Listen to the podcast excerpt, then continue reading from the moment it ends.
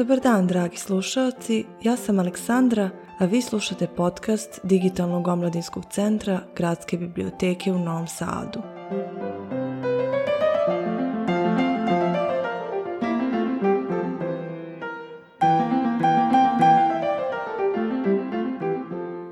Danas ćemo se baviti delom Jane Austen, jedna od najpoznatijih britanskih spisateljica koja je stvarala pre viktorijanskog perioda. Nedavno sam vodila dve interesantne rasprave o delima Jane Austen. Jednu sa drugaricom, drugu sa koleginicom. Obe su filolozi i stručnjaci u svom polju. Međutim, jedna tvrdi da su romani Jane Austen ljubavni romani, dok druga smatra da nisu. Što mi je bilo vrlo interesantno i kada sam im prepričala njihova suprotna stanovišta, predložile su mi da u podcastu analiziram dela Jane Austen. Pošto sam pročitala sve objavljene romane i već pisala radove o njenim delima, svakako sam planirala da u jednom trenutku govorim o njenim delima, ali do sada nisam pristupila ovim romanima iz te perspektive što me je dodatno zainteresovalo. Tako da ću danas govoriti o tome da li se romani Jane Austen mogu svrstavati u ljubavne romane ili ne, tako što ću izložiti sve argumente za i protiv kroz analizu najpoznatijih dela i pokušati da stignem do nekog zaključka. Mislim da bi bilo na početku najpametnije definisati šta u stvari podrazumevamo pod ljubavnim romanima, šta jedan roman mora da sadrži da bi se nazvao ljubavnim romanom i da li se dela Jane Austen i u kojoj meri uklapaju u okvire žandra. Također je neophodno postaviti još jedno pitanje, a to je da li je uopšte moguće klasike svetske književnosti ograničiti žandrovskim određenjima. Udruženje pisaca ljubavnih romana Amerike određuje ljubavne romane kao duži oblik prozne fikcije čija je glavna tema ljubav. Ova definicija je vrlo neprecizna i prilično široka, ali već ovdje pronalazimo probleme kada je primjenimo na dela Jane Austen. Ako recimo posmatramo njen najpoznatiji roman, Gordosti i predrasude, da li je glavna tema tog romana ljubav ili je udaja? I moje sljedeće pitanje je zašto često poistovećujemo te dve teme i da li treba da ih poistovećujemo? Druga stvar, šta uopšte znači da je glavna tema ljubav? Jer nije precizirano da je u pitanju romantična ljubav, ali hajde da pretpostavimo da se to podrazumeva.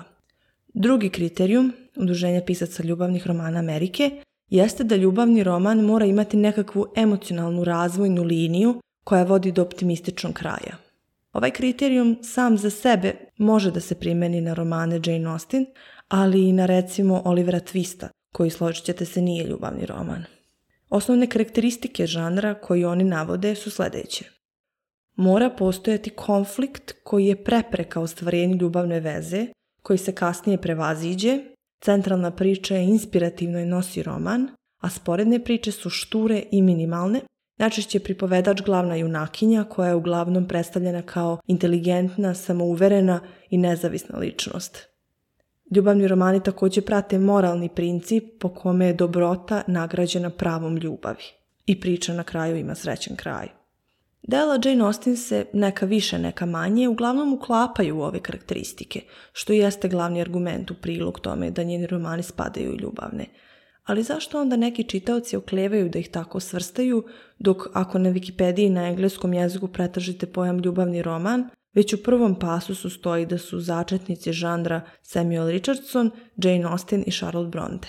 Ali hajde da se malo vratimo kroz vreme i osmotrimo književno-istorijski kontekst u kojem je autorka stvarala i koja dela su uticala na njeno stvaralaštvo, što će nam dosta pojasniti stvari. Jane Austen je živela u periodu između dva veka, Rođena je 1775. godine. Njeno prvo objavljeno delo je Razum i osjećajnost, objavljeno 1811. a preminula je 1817. godine.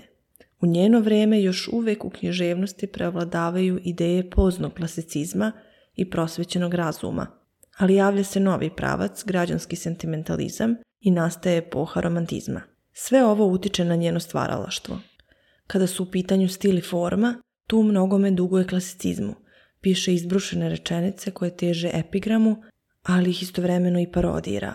Najpoznatiji primjer je prva rečenica gordosti i predrasuda koja glasi Opšte je poznata istina da je svakom bogatom neoženjenom čoveku žena neophodna. Ironija se iščitava kasnije kroz lik gospođe Bennet koja je opsednuta udajom svojih čerki i ako se na horizontu pojavi neoženjen čovjek koji bi bio dobra prilika, ona se služi ovom devizom, nimalo zainteresovana za njegove planove, želje ili potrebe. Tako da je smeh važna karakteristika njenog stila i kroz romane često nailazimo na ironične komentare naratora na likove i njihove postupke. Sa druge strane, popularna senzacionalistička literatura njenog vremena bili su gotski romani, recimo Anne Radcliffe, koje je Jane Austen otvoreno kritikovala u nortangirskoj opatiji. Isto tako u razumu i osjećajnosti eksplicitna je kritika prenaglašene neuverljive osjećajnosti sentimentalizma, a teme kojima se bavi u svojim delima, porodica, brak, odnos pojedinca i društva, položaj žene, društvena pokretljivost i sl., kao i težnjaka ka psihologizaciji likova, čini je pretečom realizma. Recimo Walter Scott posebno hvali realizam u njenim delima. Dalje, u periodu u kom stvara, roman kao književna vrsta je još uvek u razvoju i nije se do kraja iskristalisao tek će ga realisti dovesti do savršenstva. Kako kaže Arnold Kettle u svojoj knjizi Engleski roman, u 18. veku roman je još uvijek poučna basna. Junaci su personifikacija abstraktnih ljudskih osobina, a njihove avanture, često uz elemente fantastike, teže da jasnije i upečatljivije prenesu neku moralnu pouku. Tu se Jane Austen razlikuje, jer se njena dela ne uklapaju u tadašnje trendove, ona kroz svoja dela prikazuje stvarnost onakvu kakvu poznaje, slikajući likove u njihovoj svakodnevici sa ljudskim vrlinama i manama. Pa recimo Ema u istoimenom romanu, ona je inteligentna, ali brzopleta i bez discipline. saosećajena je prema siromašnima, ali sa snažnim osjećajem za društveni status. Sa jedne strane vidimo ljubav i strpljenje koje pokazuje prema ocu hipohondaru, a sa druge bez takta upućuje uvredljivu šalu gospođi Elton za vrijeme piknika tako da se u njenim delima konačno pojavljuju kompleksni ženski likovi koji nisu crno-beli, nisu u celini ni dobri ni loši, već komplikovani sa manama i vrlinama i realistični. Ono što je specifično za savremenu žanrovsku književnost kakva je ljubavni roman, jeste to da postoje šabloni koje autori imaju u vidu kada pišu roman određenog žanra. I sami čitaoci imaju horizont očekivanja u zavisnosti od toga koji žanr su uzeli da čitaju, autor koji danas piše recimo kriminalistički roman ima u vidu publiku koja čita takve romane, jasno mu je koje kriterijume mora da zadovolji kako bi ispunio očekivanja svoje publike. Danas je pisanje ljubavnih romana vrlo lukrativna i razvijena industrija. Ako vas zanima nešto više o tome, pogledajte dokumentarac Love Between the Sheets, u slobodnom prevodu Ljubav među stranicama, o radu najpoznatijih američkih spisateljica tog žanra danas. E sad ovdje nastaje problem. Imamo multimilionsku industriju sa hiperprodukcijom trivialnih romana sa jedne strane, a sa druge klasik svetske književnosti. Kako ih spojiti? Mogli bismo da zaključimo da je stvrstavanje dela Jane Austen ljubavne romane od strane modernih spisateljica pokušaj da se popularni roman rehabilituje i da mu se da nekakvo priznanje u intelektualnim krugovima u kojima je ozloglašen, ni podaštavan ni gotovo izbačen iz diskursa ali problem je što se neretko dešava i obrnuto. Zbog veza sa ljubavnim romanom dešava se da vrijednost dela Jane Austen bude dovedena u pitanje. Novi istraživači koji se bave ljubavnim romanima ističu kako oni u suštini odražavaju izvornu žensku perspektivu i doživljaj patrijarhata koji je onda u patrijarhalnom društvu nepravedno skrajnut kao manje vredan.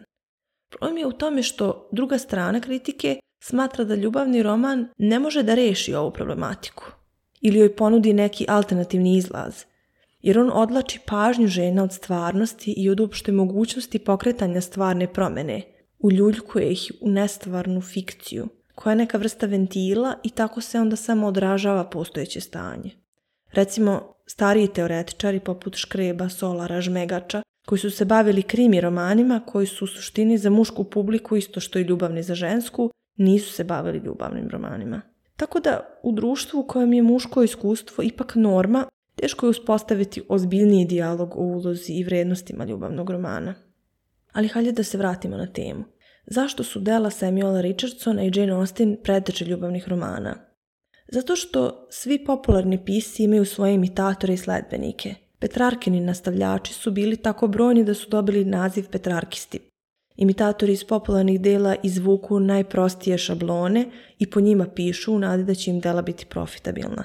Međutim, kada su objavljena, dela Jane Austen nisu bila bestselleri, ali su bila poštovana u višim intelektualnim krugovima.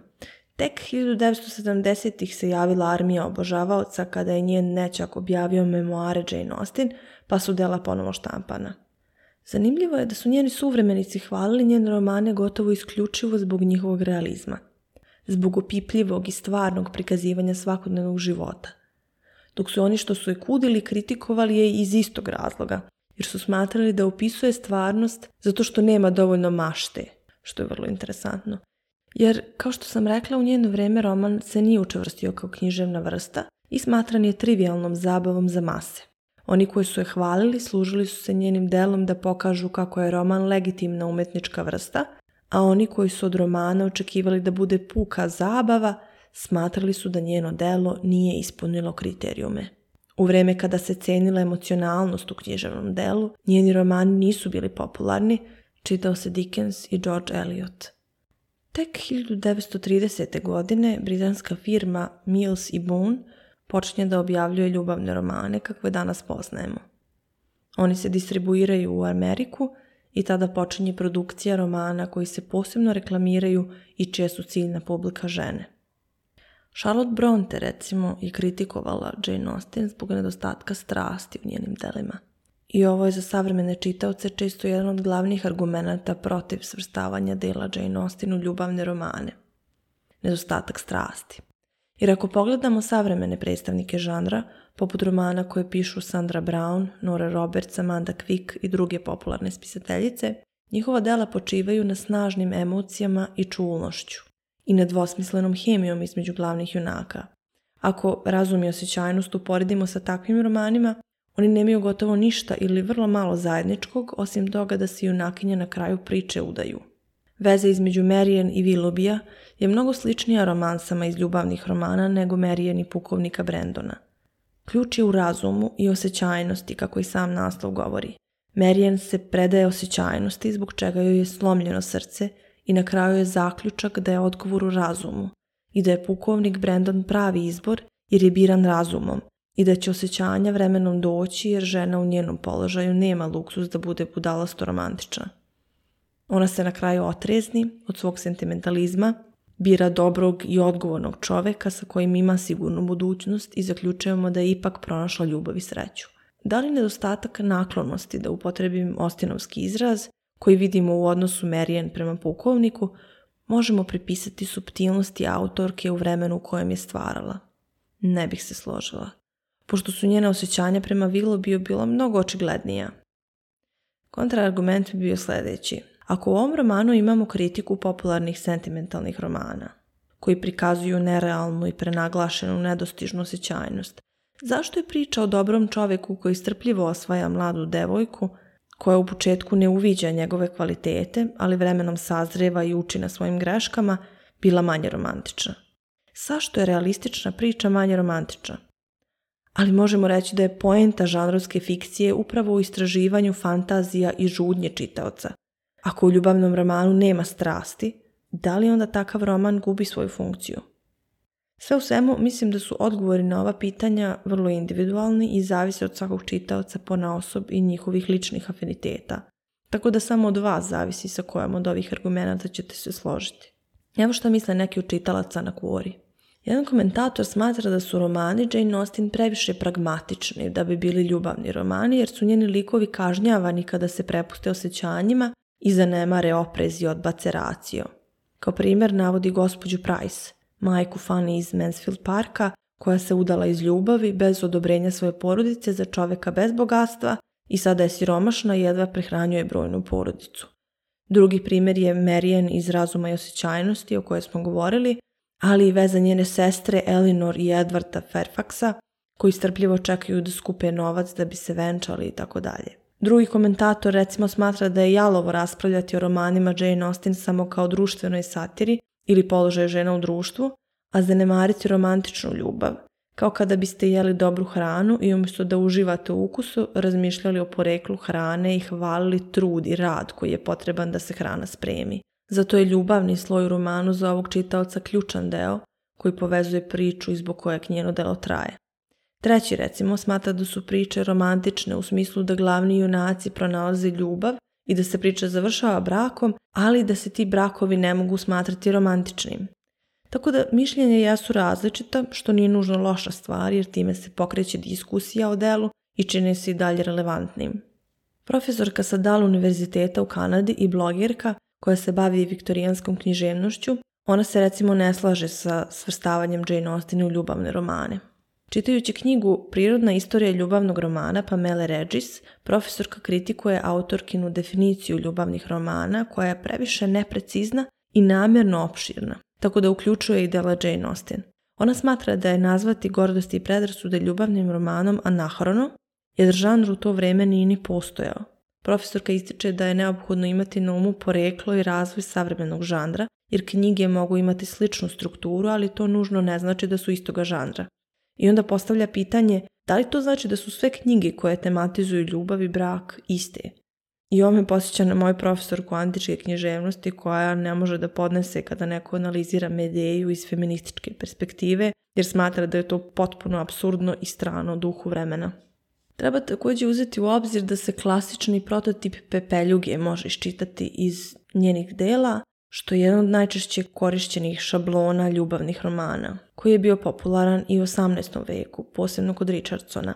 Međutim, taj 18-vekovni šablon se u njenim delima razvija i produbljuje. Tipični siže siromašne devojke koja posle mnogih prepreka i avantura dobrom i srećnom udejom menja svoj status i postaje bogata i otmena, nije tako jednostavan u njenim delima.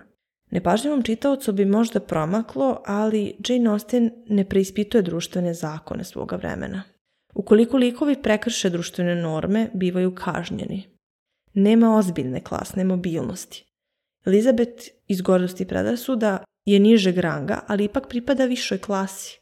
Pravi problem je taj što nema novca. Kada se Lady de Burg protivi njenom braku sa Darsijem, Elizabet joj odgovara, ali gospodin Darcy je gentleman i ja sam kćerka džentlmena. Tako da Elizabeth ne pripada plebsu. Ona je dama i njen otac pripada zemljeposjedničkom sloju, duše sitnog plemstva. Iz tog ugla Lady de Bourg ne može da se buni, oni pripadaju istoj klasi, inače ne bi imali prilike ni da se upoznaju ni da se druže.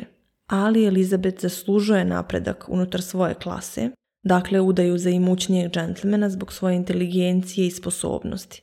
Tako da nije u pitanju prosta bajka o pepeljugi, jer da je Elizabeth zaista pepeljuga, ova priča se u svijetu Jane Austen nikada ne bi dogodila. Ako uzmemo u obzir da se njeni romani uglavnom bave udajom, što je jedna od glavnih tema ljubavnog romana, ne možemo da ne uzmemo u obzir istorijski kontekst. Prvi problem jeste to što je za žene iz društvene klase koju je Jane Austen pripadala, čije probleme najbolje poznavala i o čemu je pisala, to što je za njih u to vrijeme udaja bila najveći i najbitniji problem. Glavna preokupacija.